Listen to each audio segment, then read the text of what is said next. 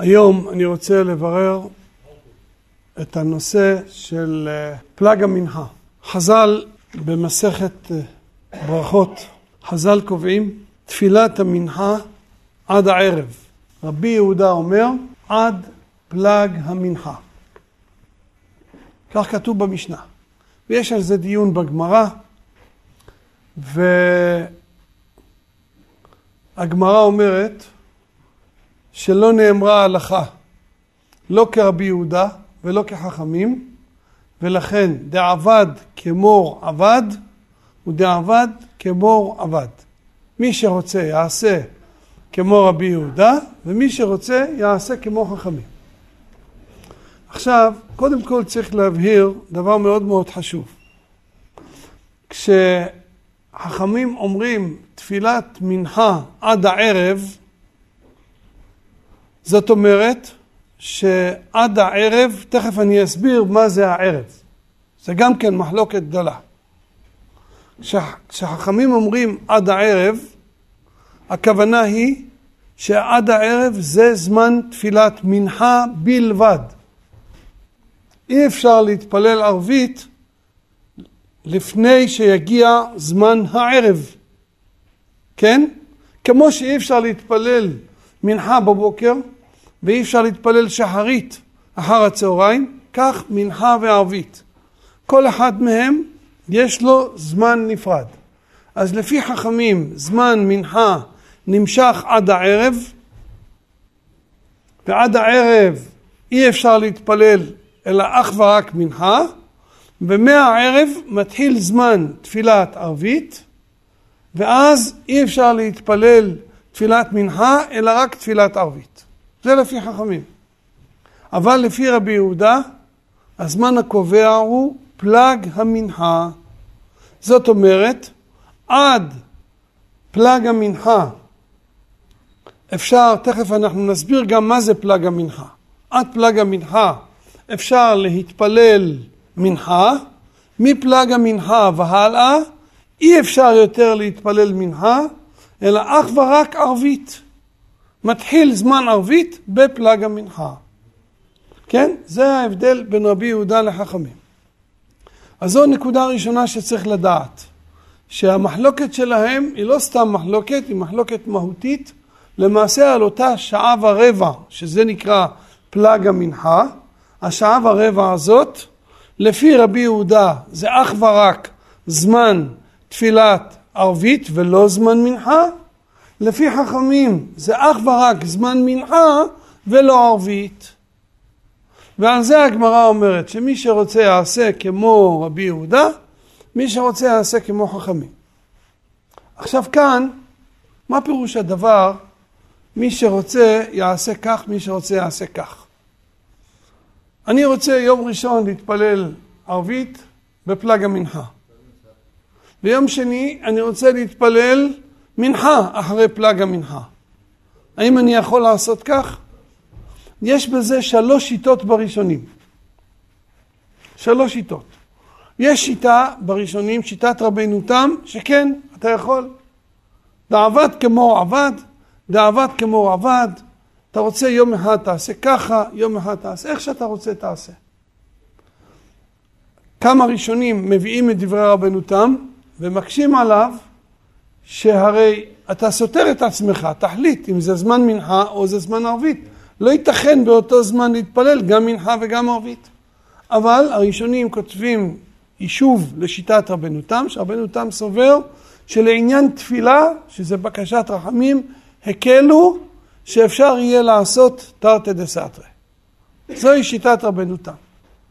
יש כמה ראשונים שסוברים לא כרבנו תם, אבל הם אומרים כך, הם אומרים באותו יום עצמו אתה לא יכול לעשות תרתי דה סתרי, אתה לא יכול ביום ראשון להתפלל גם מנחה וגם ערבית אחרי פלג המנחה, אתה לא יכול. או שתתפלל מנחה עד אה, לפני פלג המנחה, עד פלג המנחה תסיים את מנחה ואז תתפלל ערבית, או שתתפלל מנחה עד הערב ואחרי הערב תתפלל ערבית. כן? אבל אם זה מיום ליום, יום ראשון, יום שני, יום אחד ככה, יום אחד ככה, אין בעיה. העיקר שזה לא יהיה באותו יום. אבל יש שיטה שלישית, שזה דעת רוב הראשונים. רוב הראשונים סוברים שזה לעולם. אתה תחליט פעם אחת בימי חייך, הגעת לגיל בר מצווה, אתה צריך לקבל החלטה. או שאתה תמיד מתפלל מנחה לפני פלאג המנחה, ואז אתה מתפלל ערבית, או שאתה תמיד מתפלל מנחה עד הלילה, עד הערב, ואחרי זה אתה מתפלל תמיד ערבית בלילה. אתה לא יכול לעשות תרתא דסתרי לעולם, גם מיום אחד ליום אחר. כך ההכרעה של השולחן ערוך. אני אקרא לכם את לשון השולחן ערוך, זה חשוב שתשימו לב לדברים האלו. כן. והסיקנה, זאת אומרת המסקנה של הגמרא, דעבד כמו עבד ודעבד כמו עבד. והוא שיעשה לעולם כחד מניו. שאם עושה כרבנן ומתפלל מנחה עד הלילה, שוב אינו יכול להתפלל ערבית מפלג המנחה ולמעלה. ואם עושה כרבי יהודה ומתפלל ערבית מפלג המנחה ולמעלה, צריך להיזהר שלא יתפלל מנחה באותה שעה. כן? לעולם. הלשון של השולחן ערוך לעולם. אבל השולחן ערוך ממשיך. ועכשיו, שנהגו להתפלל תפילת המנחה עד הלילה, אין להתפלל תפילת ערבית קודם שקיעת החמה.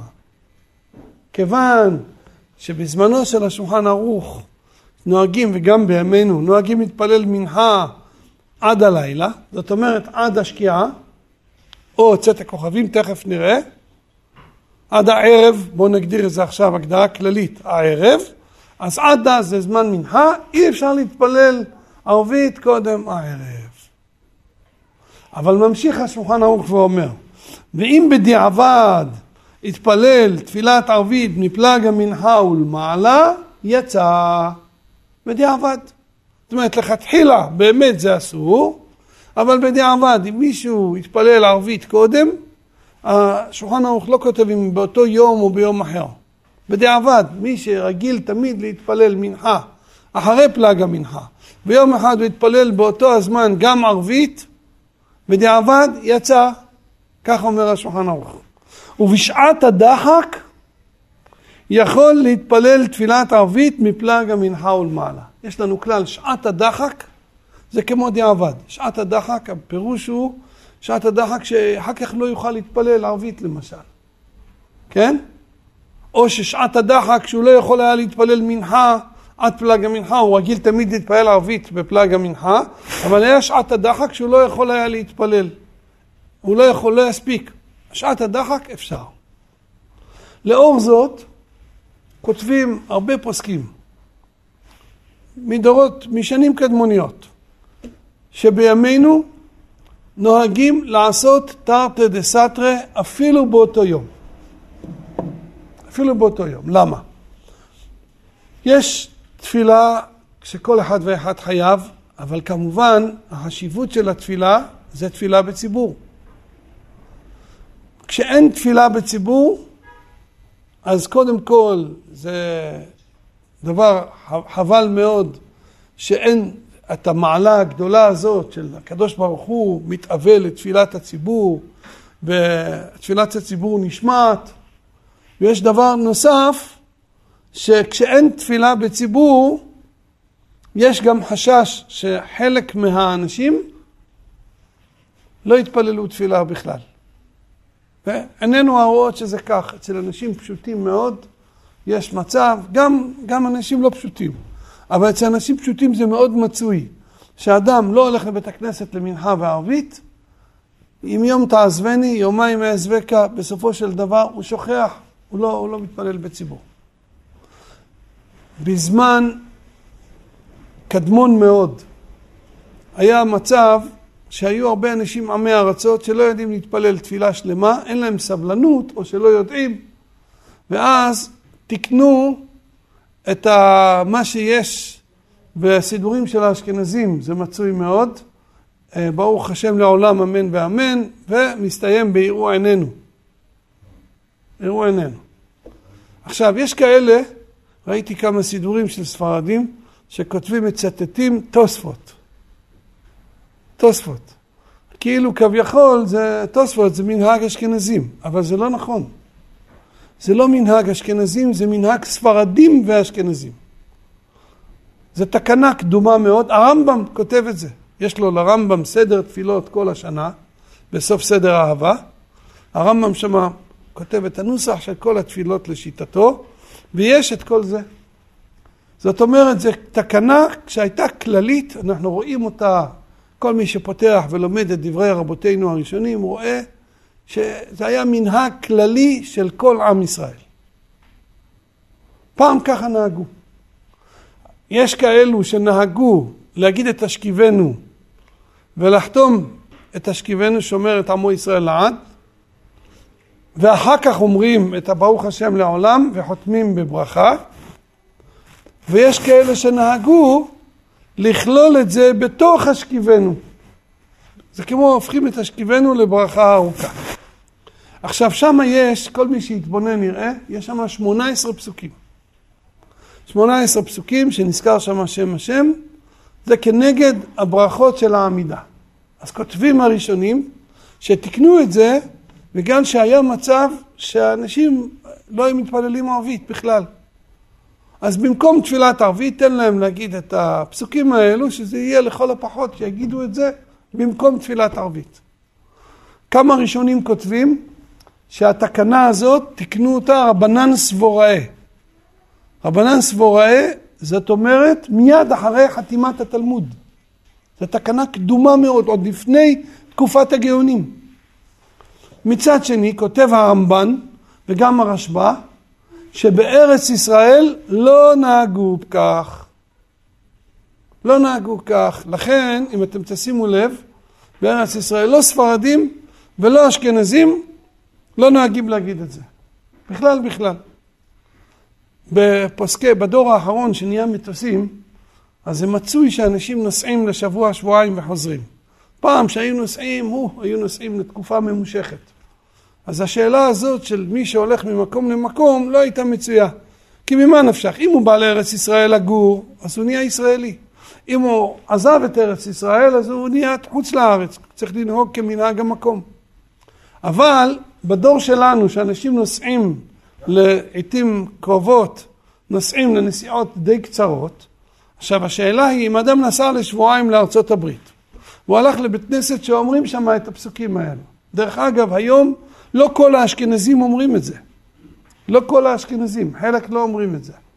תלוי, ליטאים, חסידים, גם ביניהם יש כמה חילוקי מנהגים.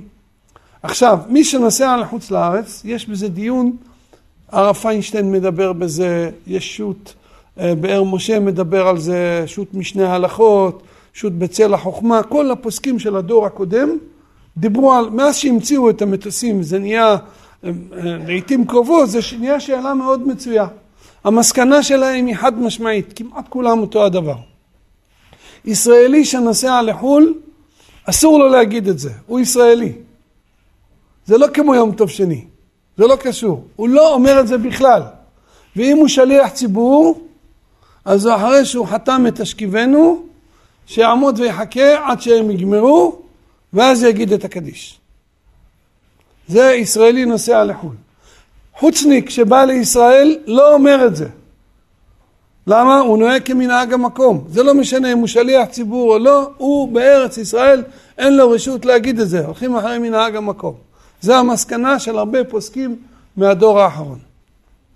עכשיו, יש בזה המון המון פרטי דינים בעניין הזה של הברכות האלו. כתבתי את כל זה בהלכה ברורה חלק י"ב. הבאתי את כל השיטות, כל הדברים שמסביב.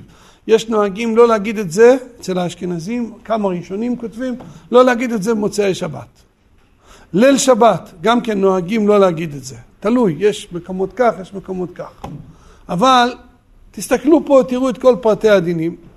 מה שמשונה מאוד, יש לנו אצלנו הספרדים, יש את המרוקאים, שבחוץ לארץ הם נוהגים להגיד את זה. יפה מאוד. כמו שאמרתי, בחוץ לארץ זה לא קשור לספרדים או אשכנזים, בחוץ לארץ נהגו. אבל מה? הם נוהגים, א', להגיד רק את אירוע עינינו, והם חותמים את זה עם ברכה. אני לא מצאתי מקור שזה יהיה מועיל בלי 18 פסוקים. ברוך השם לעולם, אמן ואמן וכולי, כל הפסוקים שיש שם. זה דבר ראשון. דבר שני, הם אומרים את זה דווקא במוצאי שבת ולא בשאר השבוע. כשבראשונים כתוב בדיוק להפך. להגיד את זה כל השבוע חוץ ממוצאי שבת. צריך עיון. אני דיברתי על זה עם כמה תלמידי חכמים מרוקאים, הצגתי בפניהם את מה שכתבתי, לפני שכתבתי זה, לפני שהדפסתי את זה, שלחתי את זה לכמה תלמידי חכמים מרוקאים שהם בקיאים במנהגים שלהם, שנסו להסביר לי, ואי אפשר, לא, לא, לא מצאו לי הסבר. אולי יש הסבר, הלוואי, שאפשר יהיה ליישב את המנהג. אבל מה שברור, שבארץ ישראל, כך כותבים הרמב"ן והרשב"א, מרן השולחן ערוך מזכיר את המנהג הזה. הוא לא כותב, לא נכנס לזה, אם, אם אומרים בארץ ישראל, חוץ לארץ, הוא לא נכנס, הוא רק מדבר לעניין הפסק אחרי השכיבנו, אז הוא מזכיר את העניין הזה של אמירת הפסוקים האלו, זה הכל. עכשיו, אתם שמים לב, למה אני אומר את כל הדברים האלו? תשימו לב כמה היה אכפת לחכמי ישראל אחרי חתימת התלמוד על כך שיהודים התפללו ערבית. אפילו שתפילת ערבית רשות, אבל קיבלו עליהם חובה. כולם קיבלו עליהם חובה. כך כותבים כל הראשונים. אז במקום, אם יש מצב שחלילה לא יתפללו, עד כדי כך, תקנו להם את הפסוקים האלו. יש חשיבות, יש לנו חובה קדושה לדאוג שכל יהודי יתפלל ערבית. עכשיו, המציאות היא, היום יש, פה, פה בהר נוף, כל 50 מטר יש בית כנסת. אבל בזמנם, בדורות קודמים, לא היה דבר כזה. יש ערים שהיה להם בית כנסת אחד, והיהודים היו גרים רחוק. בזמן הגמרא, הבתי כנסיות שלהם היו מחוץ לעיר. אבל גם בזמן הראשונים לא היה דבר כזה שיש הרבה הרבה בתי כנסיות. אז לכן, מה, היה מצב, אנשים באים מרחוק, אנשים יראי שמיים, באים להתפלל. אז אתה תגיד להם, תתפללו מנחה לפני הלילה. ואחר כך תלכו הביתה ותחזרו לתפילת ערבית. אין להם, להישאר, לעשות שיעור ככה ולהפסיק ביניהם, הם לא רוצים. הם באים, מתפלל מנחה וערבית וללכת. עכשיו, אם תגיד להם זמנים נפרדים בקיץ, באירופה למשל, תארו לכם, באירופה השקיעה, השקיעה מאוד מאוחרת, אז הם באים, הם רוצים להתפעל מנחה בפלאג המנחה. מה תגיד להם? אוקיי, תלכו, תחזרו בעשר בלילה עוד הפעם. לא היה להם מכוניות אז, היה להם רק לרכב על גבי בהמות, אז מה, זה בלתי אפשרי כמעט. זה לא בלתי אפשרי, זה קשה. זה קשה. עכשיו, מה, מה המציאות, מה יקרה אם אנחנו נגיד להם זמנים נפרדים? אז תתבטל תפילת הציבור. יהיה מצב שאנשים יבואו, יתפעלו מנחה, ילכו הביתה, בבית או שכן או שלא, יתפעלו ערבית או לא יתפעלו ערבית. אבל א', ספק אם יתפללו, וב', ודאי שלא יתפללו בציבור. אז לכן זה נקרא שעת הדחק. שהשולחן ערוך כתב שאפשר לעשות תרתי דה סתרי, כדי שלא תתבטל תפילת הציבור. ולכן היום בחוץ לארץ, אצל הספרדים וגם אצל חלק גדול מהאשכנזים, יש מהאשכנזים שמקפידים, ככה כותב המשנה ברורה, שהם מקפידים תמיד להתפלל ערבית אחרי שזה לילה ודאי, ממש בצאת הכוכבים. מקפידים כל לילה להתפלל ערבית מאוחר. אבל הרוב הגדול של עם ישראל בחוץ לארץ, ובקיץ יש הרבה מקומות כך גם בארץ ישראל, מתפעלים ערבית אחרי פלאג המנחה. אז פה אנחנו מגדירים את זה שעת הדחק, כדי שלא תתבטל תפילת הציבור, אז מותר לעשות תרתי דה סתרי. זה נקרא שעת הדחק. אבל מזה אנחנו יכולים ללמוד שאם אדם נמצא בבית והוא לא יכול ללכת לבית הכנסת, הוא לא מרגיש טוב, יש לו איזו סיבה, הוא לא יכול ללכת לבית הכנסת. אז הוא מתפלל יחיד, מנחה וערבית. אין לו רשות להתפלל שניהם אחרי פלג המנחה. שיתפלל מנחה לפני הלילה, וערבית שיתפלל בלילה. אין לו רשות לעשות תרתי דה סתרי. כל ההיתר זה בגלל שעת הדחק שלא תתבטל תפילת הציבור, אבל זה לא תגידו מותרים לכם, מותרים לכם, שזה יהיה מותר לגמרי. עכשיו, כל זה לגבי אמצע השבוע. לגבי שבת זה שונה. יש לי בנושא הזה, מי שרוצה יראה בהלכה ברורה, חלק ט"ז, יש לי שם תשובות בסוף הספר. הסימן הראשון, אני מדבר על הנושא הזה. האם ביום שישי זה שונה או לא?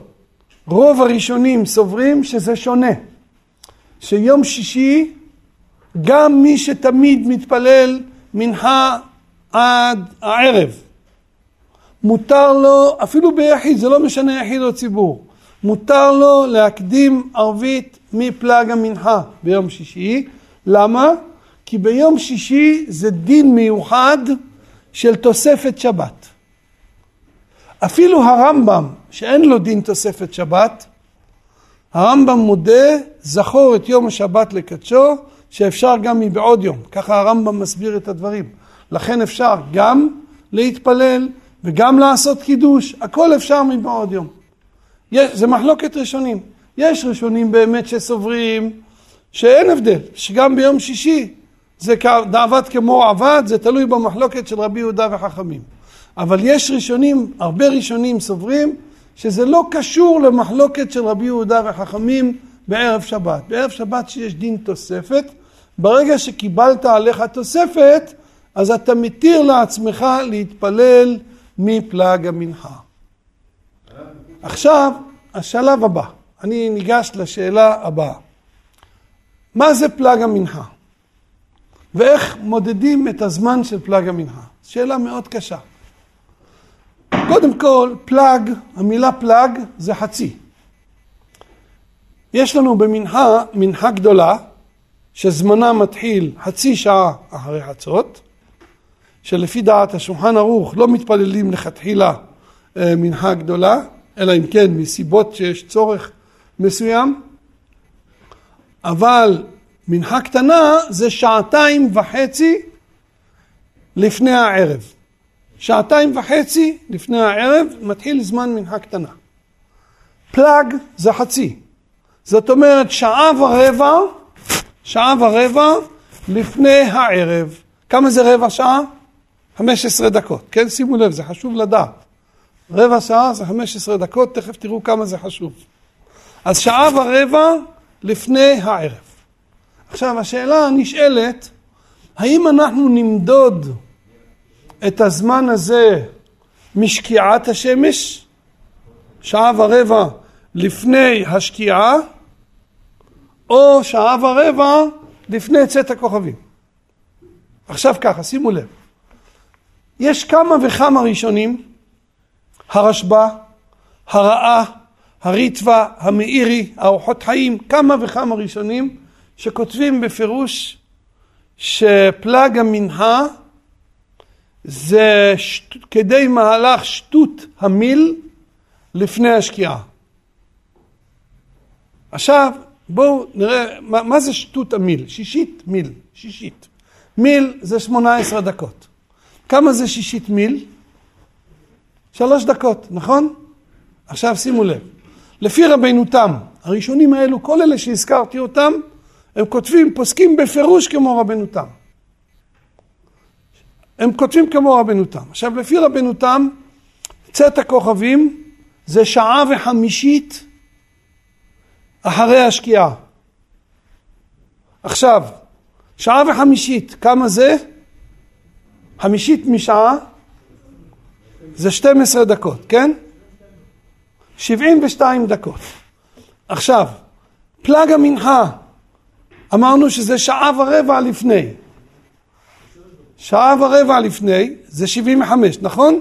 75 פחות 72 זה שלוש דקות, נכון? אז זאת אומרת כך, שכל הראשונים שהזכרתי, הם סוברים שפלג המנחה נמדד מצאת הכוכבים של רבנו תם, שעה ורבע קודם. צאת הכוכבים של רבנו תם זה 72 דקות אחרי השקיעה. שעה ורבע לפני זה שלוש דקות לפני השקיעה. עכשיו, אתם יודעים שהראש וראשון לשיטת רבנו תם זה הרמב"ן. הרמב"ן יש לו ספר שנקרא תורת האדם. הרמב"ן מסביר את שיטת רבנו תם הרבה יותר מאשר רבנו תם. אין אחד מהראשונים שמסביר כל כך יפה את שיטת רבנו תם כמו הרמב"ן. בתוספות רבנו תם מובא בכמה מקומות בש"ס, קצר מאוד. אבל מי שמרחיב מאוד זה הרמב"ן. מעתיק אותו הר"ן, אבל בקיצור. אבל הרמב"ן מעריך בזה. הרמב"ן כותב שפלג המנחה זה כדי מהלך ארבע אמות לפני השקיעה. כותב המנחת כהן, שזה ספר יסודי מאוד, המנחת כהן, רבי אברהם פימנטיל, הוא היה רב ברסיפה בברזיל, הוא היה גאון גדול בתורה, והוא גם, הוא היה רב באמסטרדם. רוב החיים שלו היו באמסטרדם. עכשיו, הוא כתב כמה ספרים. יש לו, מנחת כהן מחולק לכמה חלקים. יש לו חלק אחד, ספר שלם על אמירה לגוי. הוא מנתח את כל הסוגיות, כל השאלות, מאוד יפה, מאוד ברור. יש לו גם סגנון מאוד יפה. אחד זה על אמירה לגוי. אחד זה על איסור והיתר. אחד זה על בישול בשבת. בישול, שהייה, הטמנה. ואחד, ספר גדול מאוד, מבוא השמש, זה נקרא, יש משמרת השבת ויש מבוא השמש. מבוא השמש עוסק בנושא של רבנו תם והגאונים, זה ספר יסודי מאוד, אני עברתי על הספר הזה כמה פעמים. והספר הזה הוא, ההכרעה שלו כמו רבנו תם. יש גם לפרי חדש קונטרס שלם על זה, יש הרבה גדולי ישראל בתקופות האחרונים כתבו קונטרסים שלמים על זה, ורובם הגדול פסקו כמו רבנו תם. היה גאון אחד במצרים לפני 300 שנה, המעריף, רבי יעקב פראג'י, הוא כתב ספר שלם על זה. הספר הזה הוא היה בכתב יד, אה, תלמיד חכם אחד מהר נוף, הרב יוסף נפוסי, הוא הדפיס אותו.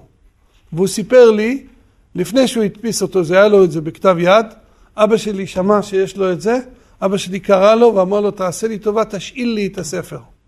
אז הוא השאיל לו אותו, אומר שבועיים ישב, למד אותו מתחילתו ועד סופו, עבר עליו ביסודיות והחזיר לו את זה. עכשיו הוא הדפיס את זה, מאוד מעניין איך שהוא מסביר אה, כשיטת רבנו תם, ספר מאוד משכנע גם כן. בכל אופן המנחת כהן דן לא רק על רבנו תם והגאונים, אלא על כל הנושא של זמנים. עכשיו הוא מביא את הרמב"ן, שהרמב"ן כותב שפלג המנחה זה כדי ההילוך ארבע אמות לפני השקיעה, והוא כותב שזה טעות, לא ייתכן להגיד ארבע אמות, הוא אומר ארבע מאות אמות. מביא אותו להלכה המגן אברהם. המגן אברהם כך מביא את המנחת כהן, המגן אברהם הרבה פעמים מביא בכמה וכמה נושאים, גם בהלכות שבת, מביא הרבה פעמים את המנחת כהן. ובכן, אז המנחת כהן מסביר 400 אמות. עכשיו 400 אמות, בואו נעשה חשבון. מיל זה 2,000 אמה, אדם הולך כמה זמן? 18 דקות. כמה זמן אדם ילך 400 אמות? לחמישית מ-18 זה שלוש, קצת יותר משלוש דקות. אז יוצא שגם הרמב"ן למעשה, זה הכוונה שלו, כמו כל הראשונים האחרים שהזכרתי. יוצא אבל דבר מעניין, שכל הראשונים האלו שהולכים כמו רבנו תם, הם סוברים שפלג המנחה זה שעה ורבע לפני צאת הכוכבים של רבנו תם. עכשיו, בשולחן ערוך נפסק שאי אפשר להדליק נרות שבת לפני פלג המנחה. אבל מכיוון שאנחנו נוהגים כמו הגאונים, אז כמובן שאף אחד לא יעלה על דעתו אפילו חס ושלום ללכת להדליק נרות שבת, של, להסתכל על השעון שלוש דקות לפני השקיעה, הוא יכול להיכשל פה בחילול שבת. כן? ודאי שזה לא יעלה על הדעת. אז לגבי הדבר הזה, אנחנו נוהגים כמו הגאונים, כן לגמרי. אבל יש פה למעשה חוץ, אמנם יש כמו שאמרתי כמה ראשונים שכותבים כך, אבל בואו נבדוק, יכול להיות שיש דעה אחרת שסוברת שזה מהשקיעה ולא מצאת הכוכבים. מי אומר? מאוד ייתכן שהראשונים שסוברים, שמודדים את שעות היום מהזריחה, כמו רב סעדיה גאון, כן, בסידור, בסידור שלו, וככה מוכח בתשובות הרמב"ם, שמודדים את זה מהזריחה, שהם יסברו שגם פלג המנחה זה מהשקיעה. עכשיו בואו נחשוב יותר. לפי הגאונים, תשימו לב, לפי הגאונים, עלות השחר זה שעה וחומש לפני 72 דקות, זאת אומרת, לפני הזריחה. צאת הכוכבים זה 13 וחצי דקות אחרי השקיעה. אין היגיון כל כך להגיד שימדדו את שעות היום לפי הגאונים מעלות השחר לצאת הכוכבים.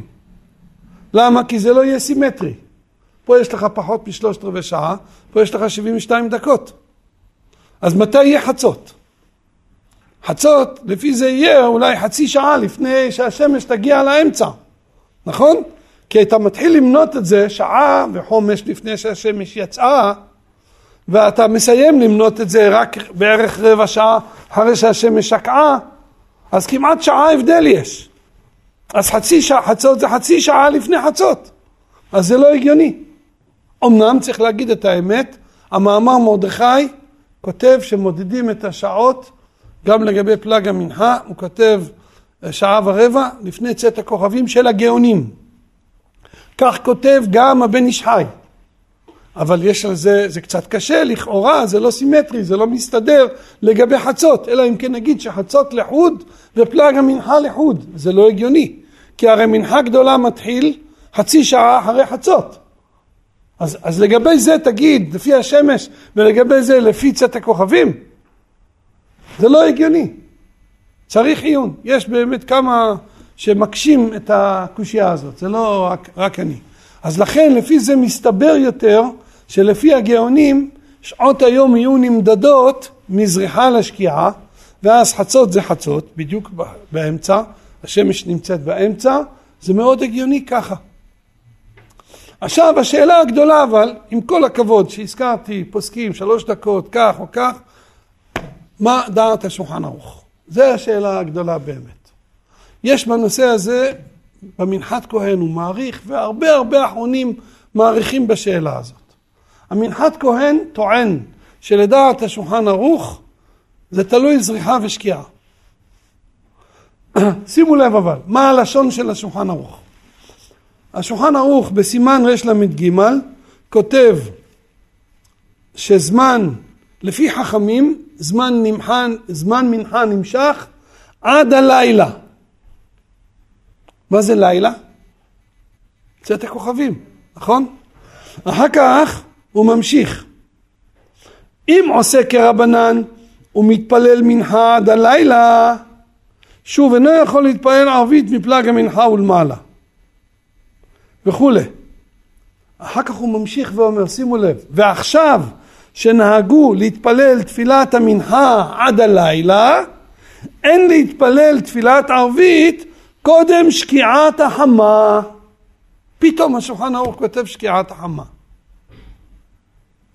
הוא התחיל לילה, ואחר כך הוא ממשיך לילה, שלוש פעמים הוא מזכיר את המילה לילה. אבל פעם אחת הוא כותב שקיעת החמה. עכשיו לכאורה אפשר להסביר פשוט, השולחן ערוך פוסק כמו רבנו תם. שקיעה, יש תחילת שקיעה ויש סוף שקיעה. אז כשהוא כותב שקיעה הוא מתכוון ללילה. אבל המנחת כהן לא מסכים לפירוש הזה.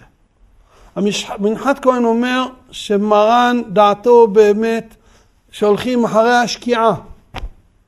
שקיעה, לא צאת הכוכבים. ומרן כותב לילה, שלוש פעמים, אבל אחר כך בסוף הוא כותב שקיעה כדי ללמד אותנו שמה שכתבתי קודם לילה, התכוונתי שקיעה. כך אומר המנחת כהן. אבא שלי בשו"ת יחווה דעת מביא את המנחת כהן ולא מסכים עם זה. אומר איך זה יכול להיות? אז למה מרן כתב לילה? תכתוב שקיעה, כל פעם תכתוב שקיעה. כל כך קשה לכתוב שקיעה? אפשר לחזק את הקושייה על המנחת כהן. זה פה ברל"ג. סימן אה, רס"ג בהלכות שבת, בהלכות הדלקת הנרות, מרן כותב שאי אפשר להדליק נרות שבת לפני פלג המנחה, שהוא שעה ורבע קודם הלילה. נו, אז למה שמה כתבת לילה, לא כתבת שקיעה, כתבת רק לילה. זה לא מסתדר כל כך. אבל אני לקחתי את הספר מנחת כהן ולמדתי אותו טוב. העניין הוא שאחרי זה הוא לא מסתפק סתם. זה שהוא כותב, שמרן כותב שקיעה לגלות על שאר מקומות, הוא לא חושב שזה הסיבה היחידה וזהו. יש לו הכרח להסביר ככה. יש לו ראייה מאוד טובה. והלכתי לאבא שלי ואמרתי לו את הראייה הזאת של המנחת כהן, והוא באמת אמר שזו ראייה חזקה. ניסיתי ליישב בדוחק ככה, בסדר, אבל היישוב שלי הוא לא מספיק חזק, אני אומר חד משמעית. הראייה שיש לו מהשולחן ערוך היא ראייה טובה מאוד. אתם יודעים שמרן השולחן ערוך פוסק כמו רבנו תם, כן? כולם יודעים את זה, זה ברור מאוד שזו דעת מרן.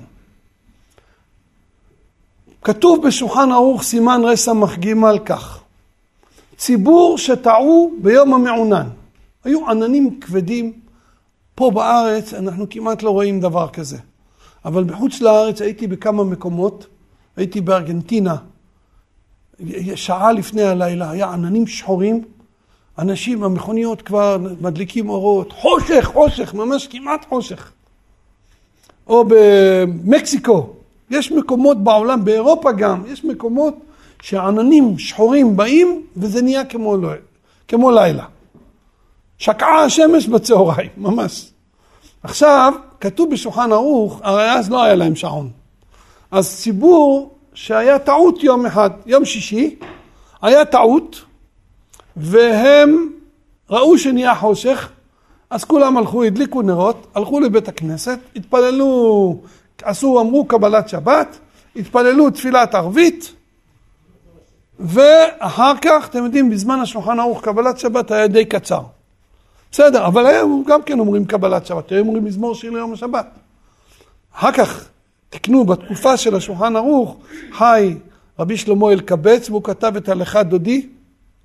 תראו מה שזה רב ספרדי, כתב פיוט שנתפס, זה דבר היחידי שנתפס בכל הסידורים, ספרדים, אשכנזים, כולם אומרים את זה. רק המנגינות שונות, אבל כל עם ישראל אומרים את זה. טוב, יש קבלת שבת ויש תפילת ערבית. עכשיו, כתוב בשולחן ערוך, שאם הציבור טעו, הדליקו נרות וקיבלו שבת והתפללו ערבית, ואחר כך זרחה השמש, עכשיו, מה הדין? הם צריכים לחזור ולהתפלל או לא? אז השולחן ערוך אומר שזה תלוי. אם כשהם הדליקו נרות וקיבלו שבת והתפללו, הכל היה אחרי פלג המנחה, אז הכל בסדר. אבל אם זה היה לפני פלג המנחה, צריכים לחזור. להדליק נרות שוב, לקבל שבת, להתפלל ערבית, הכל לא שווה כלום. לפני פלג המנחה, אדם שהתפלל ערבית, זה לא שווה שום דבר, כן? כך כתוב בשולחן ערוך. עכשיו, השולחן ערוך סובר כמו רבנו תם. אז מתי זה פלג המנחה? שלוש דקות לפני השקיעה, נכון? אני שואל אתכם, זה לא אני שואל אתכם, זה המנחת כהן שואל. הוא אומר, הייתכן שיהיה בן אדם מסוגל, תיקחו לנתיבות ולאשדוד ולכל המקומות שיש בבות, תנסו למצוא בבא אחד קדוש שיספיק להדליק נרות ולרוץ לבית הכנסת, להתפל... להגיד קבלת שבת ולהתפלל ערבית ואחרי זה תזרח השמש. וזה אחרי, כל זה אחרי פלג המנחה. בשלוש דקות, זה ייתכן? זה לא יכול להיות דבר כזה. נכון? אז אומר המנחת כהן, מכאן אתה רואה שהשולחן ערוך סובר שפלג המנחה זה שעה ורבע לפני השקיעה. לא צאת הכוכבים. כי צאת הכוכבים לפי השולחן ערוך זה רק כמו רבנו תם. מרן אפילו לא הזכיר את שיטת הגאונים, שום מקום. אז זה לא יכול להיות מצאת הכוכבים. על כורחנו שזוהי דעת השולחן ערוך. עכשיו, ממשיך המנחת כהן, מביא עוד ראיה, גם את זה אמרתי לאבא שלי. אתם יודעים, זמן תפילת נעילה זה סמוך לשקיעת החמה. סמוך, יש בזה דעות, מתי זה נקרא סמוך? המילה סמוך, בדרך כלל זה חצי שעה. לכן אבא שלי, דעתו, יש לו תשובה ארוכה בזה בשו"ת יחווה דעת, שאי אפשר להתפלל יותר מאשר חצי שעה לפני השקיעה. אי אפשר להקדים יותר. יש פוסקים שמתירים, הפרי מגדים, המאמר מרדכי, מתירים להתפלל אה, נעילה מפלג המנחה. אבא שלי סובר חצי שעה לפני. אבל שימו לב, נעילה ומנחה, מה בא קודם? לפי סדר הדברים, קודם מנחה ואחרי זה נעילה. לא ייתכן לומר שזמן אה, נעילה מסתיים לפני מנחה, נכון? אולי אחרי, אבל לפני ודאי לא, נכון? כתוב בשולחן ערוך שצריך להיזהר לקצר בפיוטים בגלל שהזמן של נעילה הוא מצומצם, לקצר בסליחות בפיוטים כדי שיסיים אותה עם שקיעת החמה.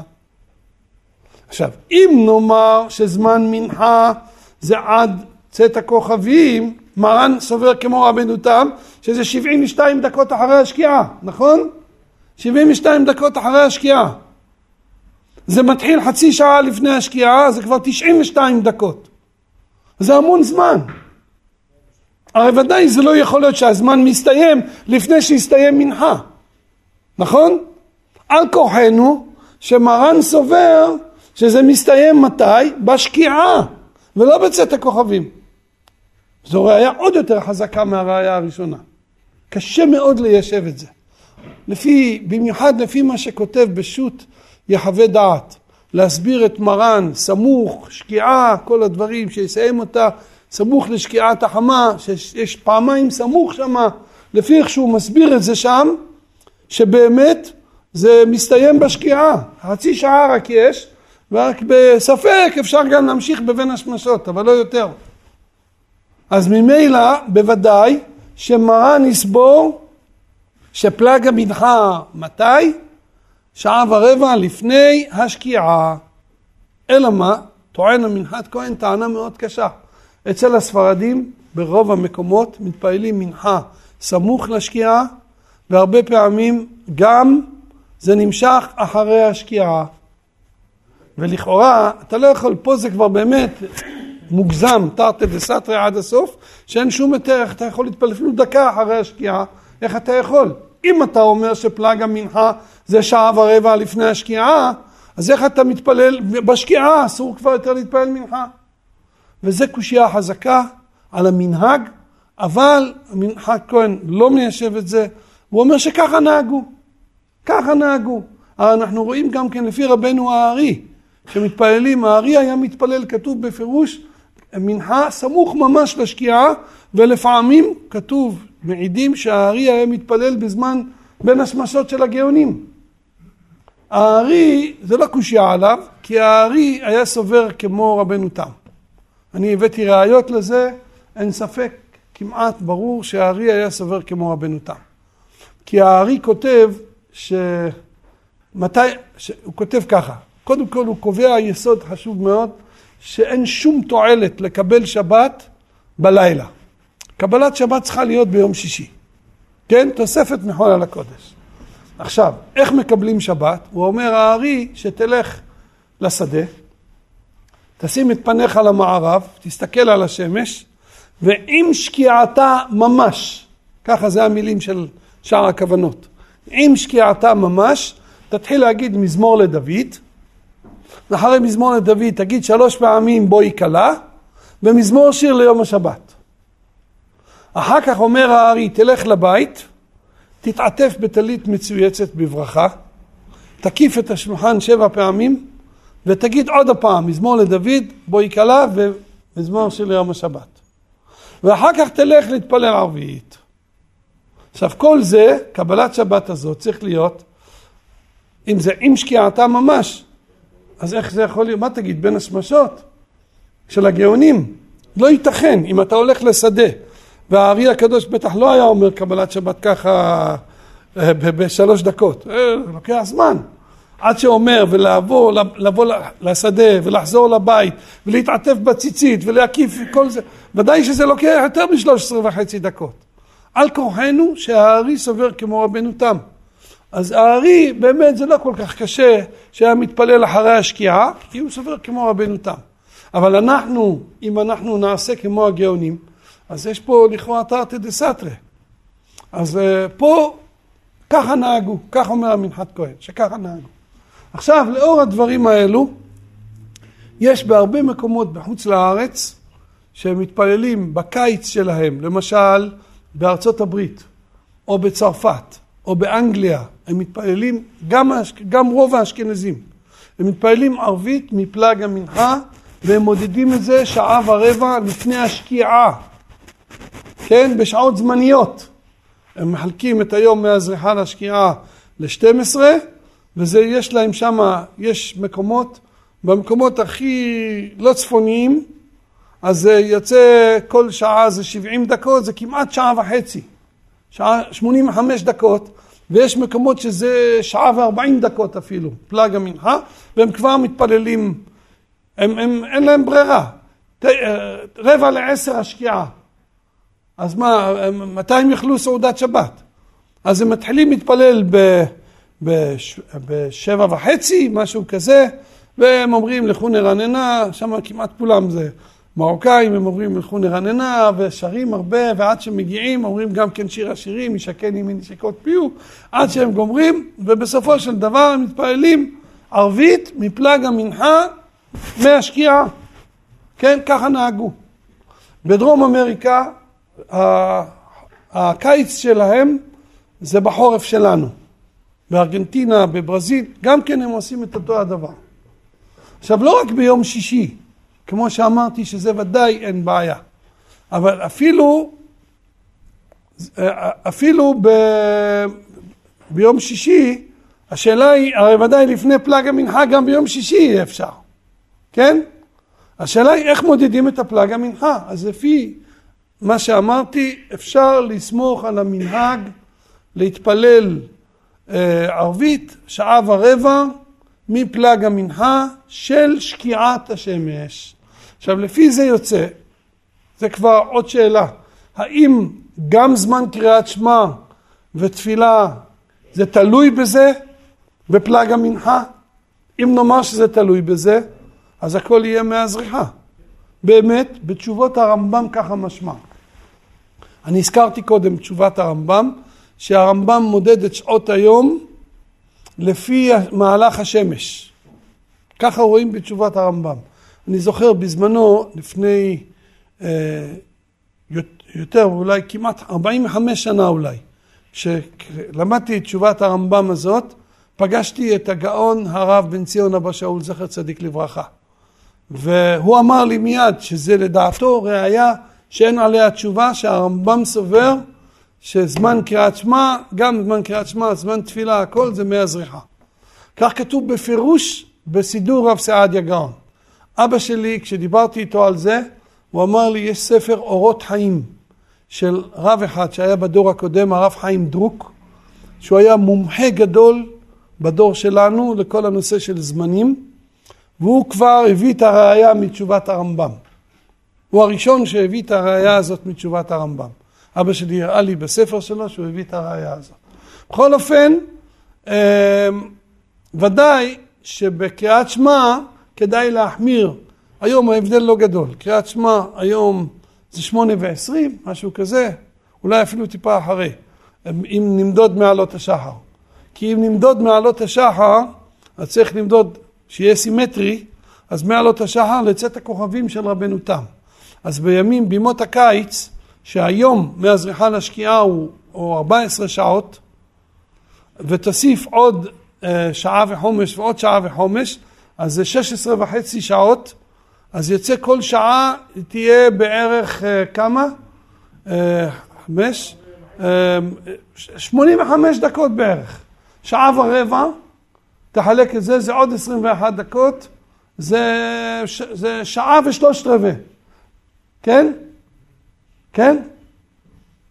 עכשיו, אם תעשו את החשבון בסך הכל, אתם תראו שזה לא הבדל גדול, יהיה, זה מקזז את החשבון קצת, יהיה אולי הבדל של חצי שעה, שלושת רבעי שעה, בין אה, אם תמנו מעלות השחר לבין אם תמנו מהזריחה.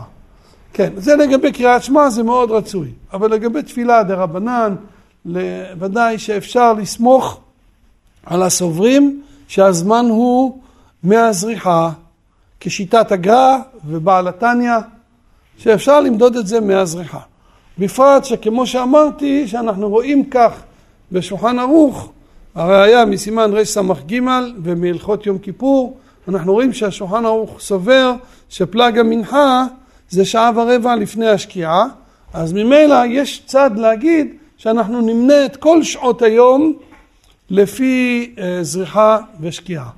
זה מסקנת הדברים, ובעזרת השם בשבוע הבא אולי נדבר עוד בענייני זמנים קצת. רבי חנניה בן הקשה אומר